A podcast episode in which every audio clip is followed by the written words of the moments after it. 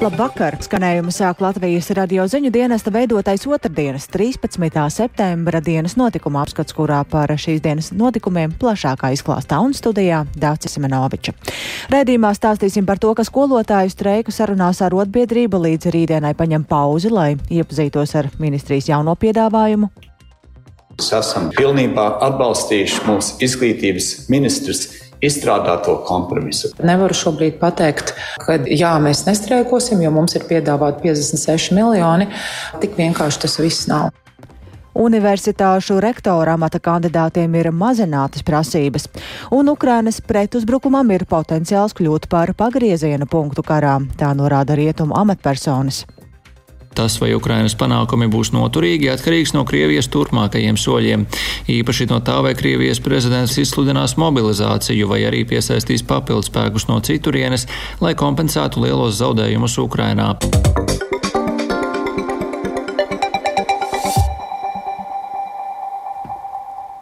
Valdības pārstāvju un Latvijas izglītības un zinātnes darbinieku arotbiedrības sarunas par iespējām izvairīties no pedagoģu beztermiņa streika turpināsies rīt.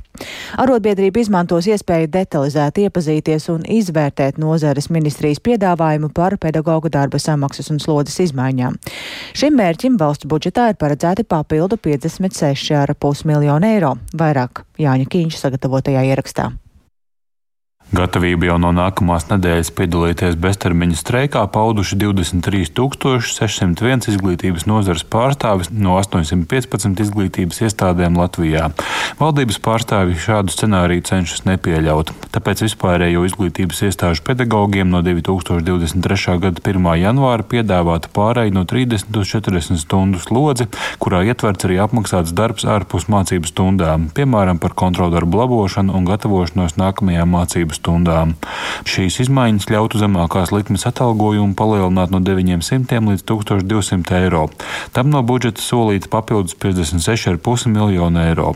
Vēl solīts rast 3,7 miljonus eiro mācību materiālu labākai pieejamībai no digitālo materiālu platformām. Par piedāvātajām slodžu un apmaksas izmaiņām turpina izglītības un zinātnes ministre Anita Mužniec no partijas konservatīvie. Katram direktoram tātad ir iespēja saglabāt skolotāju mēneša darba algas likmi esošajā apjomā un apmaksāt skolotājiem papildus stundas citu pienākumu veikšanai par tām lietām, kas līdz šim nav bijušas apmaksātas. Un rezultātā tātad skolotājs veic to pašu darbu, ko šobrīd, bet saņem lielāku darba samaksu. Otra lieta, ja skolu tīkls pašvaldībā ir sakārtots, skolotāja darba slodze ir jau šobrīd sabalansēta, tad papildus finansējumu ir iespējams izmantot skolotāja mēneša darba algas likmes paaugstināšanai, un rezultātā tā atkal skolotāji veic tādu pašu darba apjomu kā līdz šim, bet saņem lielāku darba algu. Kopumā piedāvāto risinājumu īstenošanai nepieciešama ap 60 miljoniem eiro. Tas būtu risinājums nākamajam gadam, bet par tālāko nākotni pašlaik vēl skaidrības nav, atzīst premjeras Krišjāns Kariņš no jaunās vienotības. Ko mēs no valdības puses esam darījuši? Pilnībā atbalstījuši mūsu izglītības ministrs izstrādāto kompromisu, kas ir jauns piedāvājums. Nu, viņš tikai šorīt eh, tika pēdējie skaitļi precizēti Finanšu ministrijā. Mērķis ir, ka mēs varam valdība un arotbiedrība atrast kompromisu kas ļauj visam attīstīties uz priekšu. Pedagoģu arotbiedrības vadītāja Inga Vanaga atzina, ka piedāvātie risinājumi ir solis uz nepieciešamo labojumu ieviešanu. Tomēr nepieciešama arotbiedrības padomas ārkārtas apspried un izvērtējums. Vienlaikus nav redzami solījumi turēties pie pedagoģu atalgojuma palielināšanas grafika, ko pieņēma vēl iepriekšējā valdība. Turklāt ministrs izteiktais piedāvājums nav attiecināms uz mācību spēkiem ārpus vispārējās un vidējās izglītības. Nevaru šobrīd pateikt, ka jā, mēs nestreikosim, jo mums ir piedāvāti 56 miljoni. Tik vienkārši tas viss nav. Tie ir tūkstoši pedagoģi profesionālā izglītībā, kuri gadiem ir pārslodzē un kuriem pat svētku dienas ir jāatstrādā. Tie ir gadiem pārslodzē pirmskolas pedagoģi, gadiem Viņiem nav sabalansētas slodzes, par ko mēs esam vērsušies satversmes tiesā, un arī augstākā izglītībā gadiem nav iekļauti visi pienākumi, un tāpēc uh, galavārds būs Lizda padomē. Valdības un arotbiedrības pārstāvji pie sarunu galda atgriezīsies trešdien pēcpusdienā. Jānis Kincis, Latvijas radio. Jau labu laiku izmaiņas augstākās izglītības likumā ir ļāvušas universitāšu rektora amata prasībās iekļaut nevis profesora amatu, bet gan prasību pēc zinātņu doktora grāda. Lai arī šīs abas lietas nav salīdzināmas, jo viens ir zinātnisks, bet otrs akadēmisks sasniegums, taču pastāv bažas, ka šīs izmaiņas var uzskatīt par prasību pazemināšanu. Tas tādēļ, ka ne visi zinātņu doktori ir profesori, bet ne visi profesori ir arī zinātņu doktori. Vai prasību pazemināšana nerada apdraudējumu augstskolu attīstībai, to skaidroja Kristaps Feldmanis. Jau aptuveni gadu spēkā stājušās izmaiņas augstskolu likumā, tās vairs nepieprasa universitāšu rektora amata kandidātiem būt profesoriem. Tā vietā tiek prasīts zinātņu doktora grāts. Izglītības un zinātnes ministrijas valsts sekretārs vietnieks, kā arī augstākās izglītības, zinātnes un inovāciju departamenta direktors Dimitrijs Stepanovs skaidro, izmaiņas balstītas lēmumā, ka rektoram ir jābūt ar nevainojamu reputāciju un ar augstiem sasniegumiem zinātniskajā darbā, taču akadēmiskais amats nav tik nozīmīgs. Stepanovs gan nepiekrīt tam, ka mainītās prasības ir uzskatāmas par pazeminātām, taču ieguvums noteikti esot iespēja plašākam pretendentu lokam pieteikties pieteikties uz šo amatu. Pavisam noteikti šāds regulējums paplašina iespējamo kandidātu loku, kas, protams, uzlabo iespēju atrast vadītāju. Piemēram, ņemot vērā, ka par profesoru daudzās augstskolās ievēl uz noteiktu laiku, un, ja persona strādājusi pētniecisko, zinātnisko vai vadības darbu kādā inovatīvā uzņēmumā, tad šāda persona netiek automātiski diskvalificēta. Bet augstskola pati var noteikt arī augstākas prasības, tostarp nepieciešamību rektoram būt uh, ievēlētam profesora amatā. Savukārt Latvijas rektoru padomas priekšsādātāja Latvijas kultūras akadēmijas rektore profesora Rūta Muktu Pāvela prasību maiņu vērtē sakojoši. Nevar noliegt, ieguvums ir plašāks iespējamo kandidātu lokus, taču kopumā prasības ir uzskatāmas par pazeminātām, bez tam tās ir pretrunā ar citiem augstākās izglītības attīstības plāniem. Neiet kopā ar šo prasību pazemināšanu tās, ka Šobrīd eh, tiek ieviests gan jaunais doktorantūras modelis, gan arī uzsākts jaunās akadēmiskas karjeras modeļa ieviešana. Un šīs jaunais akadēmiskā personāla karjeras modelis nosaka ļoti augstas prasības tādā akadēmiskā personāla kvalifikācijai.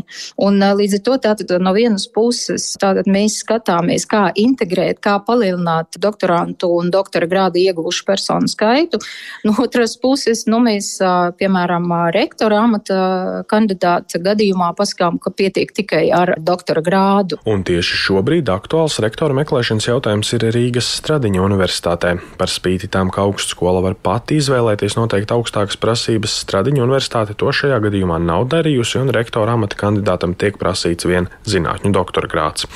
Universitātes senāta priekšsādātājs profesors Jānis Gardovskis gan nedomā, ka tas apdraud iespējamo universitātes attīstību nākotnē. Nu, tas ir nedaudz saka, samazināt savas prasības, bet jāņem vērā, ka tas dod iespēju varbūt vairāk kolēģiem pieteikties un jāņem vērā, ka rektora amats jau nav tikai administratori, bet rektora amats ir arī saistīts galvenokārt ar akadēmiskās izglītības tālāk virzību, ar zinātnes virzību, kas ir tomēr universitātes divi galvenie virzieni. Gardovskis uzskaita, universitātes pirmajai personai jābūt sabiedrībā atpazīstamai, universitātes darbinieku atbalstītai, kā arī akadēmiskajā vidē cienītai.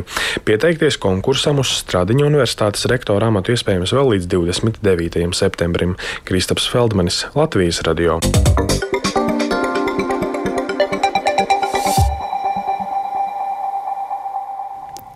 Ukrainas pretuzbrukums, kas piespiedis Krievijas karaspēku steigā atkāpties, var kļūt par pagriezienu punktu karā un palielināt spiedienu uz Maskavu iesaistīt papildu spēkus, ja tā cera novērst tālākus Ukrainas pa panākumus. Tā laikrakstam The Washington Post ir norādījušas vairākas rietumu amatpersonas, kuras gan vēlējās palikt anonīmas. Turpinoties Ukrainas pretuzbrukumam kļuvis zināms, ka Krievijas karaspēks ir atkāpies no Luhanskas apgabala pilsētas Kreminas. Tiesa, Ukrainas armija vēl nav iegājusi pilsētā. Ukrainas bruņoties spēki virzās uz priekšu arī Hersonas virzienā, taču konkrētu apdzīvoto vietu nosaukumi atklāti netiek. Plašāk stāsta Rihards Plūme. Luhānskas apgabala kara administrācijas vadītājs Serhijas Haidais otrdien paziņojis, ka uz ziemeļrietumiem no Severodonetskas esošā Kreminas pilsēta ir pilnībā tukša un Krievijas karaspēks ir atkāpies no pilsētas. Haidais uzskata, ka no Kreminas un Svatoves sāksies vērienīga Luhānskas apgabala deokupācija, jo Krievi jau sākuši vilkt tehniku tuvāk šīm pilsētām. Haidais uzskata, ka galvenais trieciens tiks dots tieši tur. Viņš norādīja, ka Luhānskas apgabalā atslēga ir uz ziemeļiem no Slovjānskas esošās Limanas atbrīvošana, kuras apkaimē joprojām notiek cīņas. Harkivas apgabalā atbrīvotas 300 apdzīvotas vietas. Jau atbrīvotajās teritorijās Ukrainas karavīrus sagaida ar apskāvieniem, rokas spiedieniem un priekās arām acīs. Arī ziemeļrietumos no izjumas esošajā Балаклījā. Я, в общем, не могу точно сказать, потому что я вот тут рядом живу, но настолько наши Es dzīvoju netālu. Varu teikt, ka mūsu karaspēks gudri tuvojās, tā kā viņi bija šokēti un bēga ātri. Viņi ir labi izplānojuši šo īpašo operāciju. Es teicu karavīriem, es jums ļoti pateicos, mēs jūs gaidījām.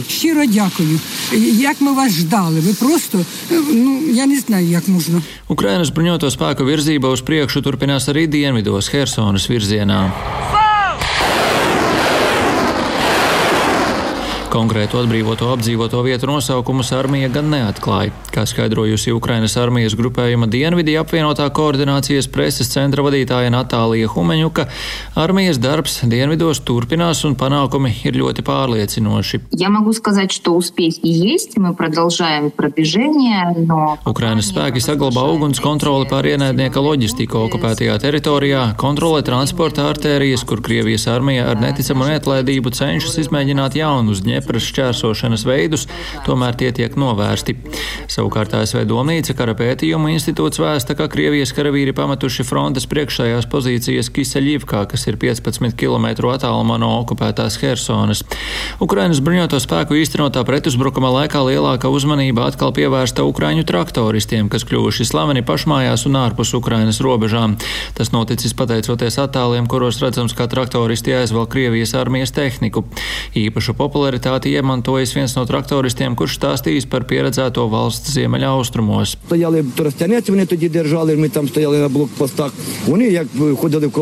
Viņi bija pārņēmuši Trostjanecu, kur mēs stāvējām blokposteņos. Viņi to pameta lielās kolonnās aiz sevis atstājot kaudzi aprīkojuma kādus 80 tanciņus.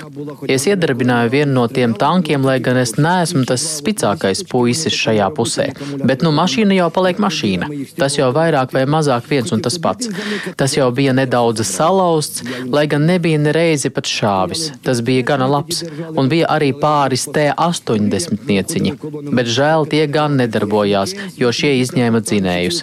Es centos tankus aizvilkt kaut kur aizmugurē, vēlējos paturēt vienu sev, bet 93. brigāde paņēma visus sev. Es viņiem to vēl pieminēšu. Tikmēr kā laikrakstam The Washington Post norādījušas vairākas rietumu amatpersonas, kuras vēlējās palikt anonīmas, dažu dienu laikā Ukrainas armija ir atguvusi kontroli par gandrīz visu Harkivas apgabalu, un ātrums, ar kādu krieviem nācās atkāpties, šķiet ir apdullinājis Krievijas armiju un tās komandierus. Savukārt tas, vai Ukrainas panākumi būs noturīgi, atkarīgs no Krievijas turpmākajiem soļiem. Īpaši tas atkarīgs no tā, vai Krievijas prezidents Vladimirs Putins izsludinās mobilizāciju vai arī piesaistīs papildspēkus no citurienes, lai kompensētu lielos zaudējumus Ukrainā. Kā žurnālistiem šodien izteicies Kremļa preses sekretārs Dmitrijs Peskovs, nec pilna, nec daļēja mobilizācija šobrīd plānota nesot. Rihards Plūme, Latvijas radio. Tikmēr viens no centrālajiem tematiem, ko šonadēļ apspriež Eiropas parlamentā Strasbūrā, ir atbalsts elektrības un apkures rēķinu nomaksai. Ir zināms, ka piedāvāto risinājumu vidū ir elektrības ražotāja peļņas papildu aplikšana ar nodokli un šīs naudas pārdalīšana mājasaimniecībām un uzņēmējiem. Tāpat spriež arī par iespēju mazināt elektrības patēriņu pīķu stundās, jo tas savukārt varētu ļaut samazināt kopējo cenu biržā. Strasbūrā atrodas arī mūsu korespondents Arķoms Konohovs Arķems, ar kuru pašlaik esam sazinājušies tiešraidē. Labvakar, Arķom! Jā, labvakar! Es jau nosaucu dažas no idejām, kas ir izskanējušas, ko vēl varētu iekļaut Eiropas Savienības pasākumos, lai mazinātu elektrības un apkuras cenas. Tik tiešām šobrīd šis ir ļoti aktuāls temats, un arī te parlamentā notiek eh, diskusijas par šo arī plenārsēžu zālē. Eh, un ir skaidrs, ka lielā mērā šie pasākumi ir sadalāmi divās daļās. Viens ir īstermiņa pasākumi, īstermiņa iejaukšanās, un otrs jau ir tādas plašākas, struktūrālākas izmaiņas tajā, kā tiek veidotas cenas un kā tiek būvēts elektrības tirgus. Ja mēs runājam par īstermiņa pasākumiem, ko Eiropas komisija varētu piedāvāt, tad uh, tās priekšsēdētāja Urzula Fonderleina jau idejiski ir iezīmējusi tās un ir teikusi, jā, ka papildus jau nosauktajām tiek runāts arī, protams, par cenu griestu noteikšanu Krievijas gāzei un naftai, tiek runāts par, protams, energoefektivitātes pasākumiem, kas, protams, gan ir ilgtermiņa vairāk pasākums, bet tomēr arī par to tiek spriests. Un kopumā, jā, tad, tad tiek mēģināts rast veidus, kā arī vairāk ieguldīt, teiksim, atjaunojamajā enerģijā un šādos te pasākumos. Tad līdz ar to būtiskākais šobrīd ir runāt gan par to, kā, teiksim, noteikt šos te cenu griestus um, Krievijas gāzei un Krievijas naftai, lai mazinātu viņu peļņu un te pašā laikā tomēr nodrošināt, ka piegādes Eiropai notiek, piegādes Eiropai turpinās no citiem avotiem. Šis ir pietiekami sarežģīts, pietiekami strīdīgs jautājums.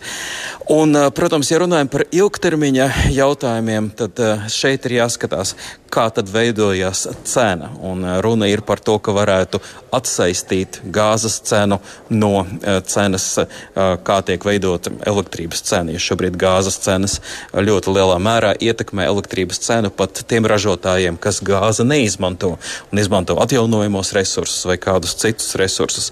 Bet šis tad, tad prasa jau tādu plašāku reformu kopējā tirgu, un par to varētu jau vienoties drīzāk uz nākamā gada sākumu. Tātad tās ir tās galvenās idejas šobrīd. Jā, nu tātad sarunas turpinās, kad mēs varētu uzzināt par konkrētākiem soļiem. Ir zināms, ka Eiropas komisija šodien šeit Strasbūrā ir apstiprinājusi savu priekšlikumu, bet tā vēlas to prezentēt rīt, jo rīt Eiropas komisijas vadītāja Urzula Fonderleina teiks lielo uzrunu par stāvokli Eiropas Savienībā. Tā ir ikgadēja uzruna. Tajā viņa arī prezentēs šos priekšlikumus par ekonomiku un par enerģētiku un tad mēs arī varēsim zināt jau konkrētāk. Bet, eh, protams, pēc tam tiem būs vēl jāpārtop likumos un būs nepieciešams arī deputātu balsojums un arī dalību valstu piekrišana. Tad, zināms, process vēl ir priekšā. Jā, paldies. Mēs sazinājāmies ar kolēģi Arķomu Konohovu, kurš ir Strasbūrā un seko līdzi sarunām tam, kā tad. Uh, varētu mazināt elektrības un apkuras rēķinu cenas.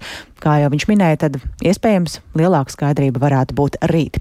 Bet, ja runājam par Latviju, tad um, viss līdz pavasarim nepieciešamais dabasgāzes apjoms pašlaik vēl nav iepirkts, taču saskaņā ar noslēgtajiem līgumiem to būs iespējams saņemt pakāpeniski. Tā Latvijas radio pastāstīja Latvenergo komerces direktors Dmitrijs Juskovets. Latvenergo vērtējumā šajā apkuras sezonā dabasgāzes pietiks, jo uzņēmums šai sezonai ir sācis gatavoties laikus jau ap vasaras vidu mēs esam pamanījuši, ka mēs esam tikuši galā ar saviem lielākiem uzdevumiem, proti valsts iedoto uzdevumu nodrošināt valsts apgādes drošuma rezerves un arī savu galveno misiju nodrošināt ar gāzi mūsu divas tekstus. Mums pietiek gāzes šiem diviem galveniem uzdevumiem. Mēs esam aktīvi sākuši piedāvāt gāzi juridiskām un fiziskām personām. Un ir jāsaka, ka piedāvājumi piesakās visnotaļ aktīvi. Pieļaujiet, ka varētu vajadzēt vairāk gāzi iegādāties, un ja jā, tad, tad kur to ņemt? Jā, mēs turpinām uh, iepirkt. Līdzīgi, ka lielveikals uh, netur vai neiepērk pienu visam atlikušam gadam, uh, tieši tā arī mēs vēl neesam iepirkuši gāzi līdz pavasarim, bet mums ir vietā konkrētie līgumi, saskaņā ar kuriem mēs šo gāzi dabūsim pakāpeniski gan gada atlikušos mēnešos, gan uh, nākamā gada sākumā. Klaipēda paldiski sola nu, dot kādas garantijas? Uh, negribētu dotie brīdi izpaust uh, pavisam visas detaļas, bet ar ļoti augsto pārliecības pakāpi mēs varam teikt, ka gāzi mēs varēsim saņemt. Cena par kādu tā ir dabūjama, kāda tā ir un cik prognozējama, fiksējama? Cena visa Eiropas reģiona ir ārkārtīgi svarstīga. Augusta laikā bija sasniegts cenas pīķis, kad viena megawatu stunda gāzes uh, maksāja vairāk nekā 300 eiro par megawatu stundu. kas ir absolūts pīķis un rekords. Nu jau vakar vakarā cena bija mazliet zem 200, proti trešdaļa izmaiņa dažu nedēļu laikā. Tātad, kur šī cena atradīsies pēc nedēļas vai pēc mēneša, prognozēt ir ārkārtīgi grūti, bet uh, saviem klientiem mēs piedāvājam diva veida cenas. Uh, viena ir cena, kur ir nofiksēta līdz uh, līguma beigām, un mēs slēdzam līgumus uh, pat uz veselu gadu. Uh, un otrs uh, līguma paveids ir tas, kur cena ir atverta un svarstās līdz ar Holandas biržas cenu, kas saucas TTF. Tā ir cena, pa kuru gāzi iegādājas lielākā daļa Eiropas uh, energo kompāniju. Tā Latvijas energo komerces direktors Dmitrijs Juskovets, ar kuru sarunājās Jānis Ramāns.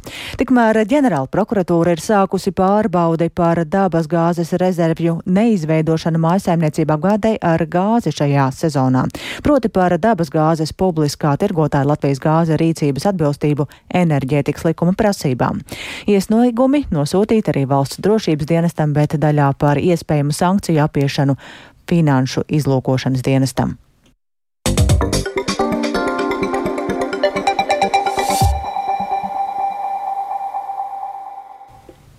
Afganistānā valdošais grupējums Taliban ir noraidījis apvienoto nāciju organizāciju apsūdzības par sieviešu tiesību pārkāpumiem Afganistānā. Ja iepriekš tika izteikti pārmetumi par ierobežotu piekļuvi izglītībai, šoreiz kritizēta daudzu sieviešu atlaišana no darba valsts sektorā. Vairāk stāstūģis Lībietis. Kā vakar savā jaunākajā ziņojumā norādīja ANO īpašais cilvēktiesību ziņotājs Ričards Benets, kopš grupējuma Taliban atgriešanās pie varas sievietēm un meitenēm ir strauji apņemtas viņu pamattiesības, tostarp tiesības uz darbu. Kā uzsver talibu pārstāvis, šis ziņojums ir balstīts uz aizspriedumiem un neatbilst patiesībai. Talibi uzskata, ka sievietes nevar atgriezties savās darbvietās, jo biroji nav piemēroti islāma sistēmā paredzētajai dzimumu nodalīšanai. Lai arī iepriekš Afganistānā ir notikuši jau vairāk sieviešu sarīkoti protesti, iebilstot pat atlaišanu no darba, Talibu sociālo un darblietu ministrs ir uzsvērs, ka sievietes turpina strādāt veselības, izglītības un iekšlietu ministrijās, un neviena no viņām no valsts sektora nav atlaista.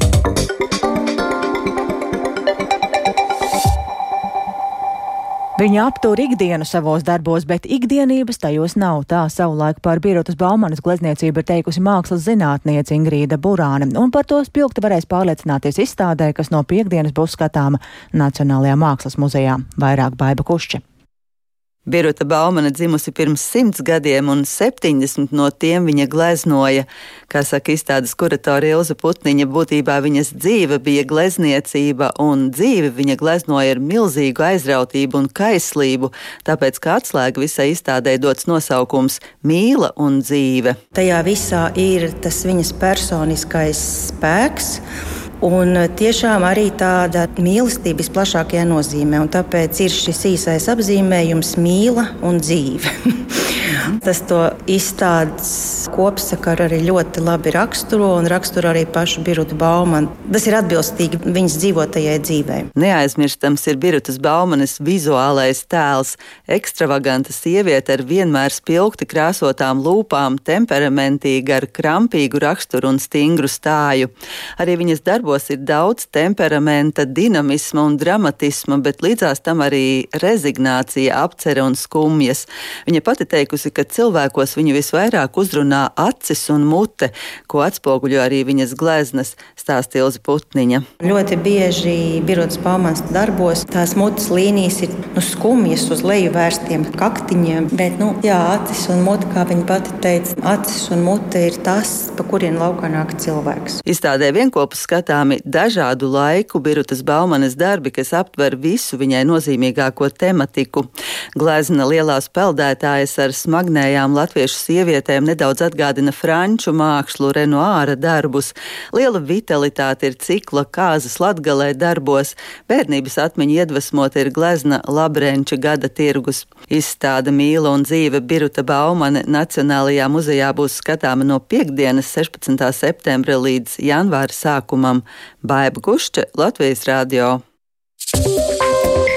Un ar to arī izskan dienas notikuma apskats. Producents Viktors Pupiks ierakstus montēja Renārs Šteimanis par labskaņu rūpējās Rīta Karnača un studijā Dācis Simenoviča. Vēl īsi par svarīgāko.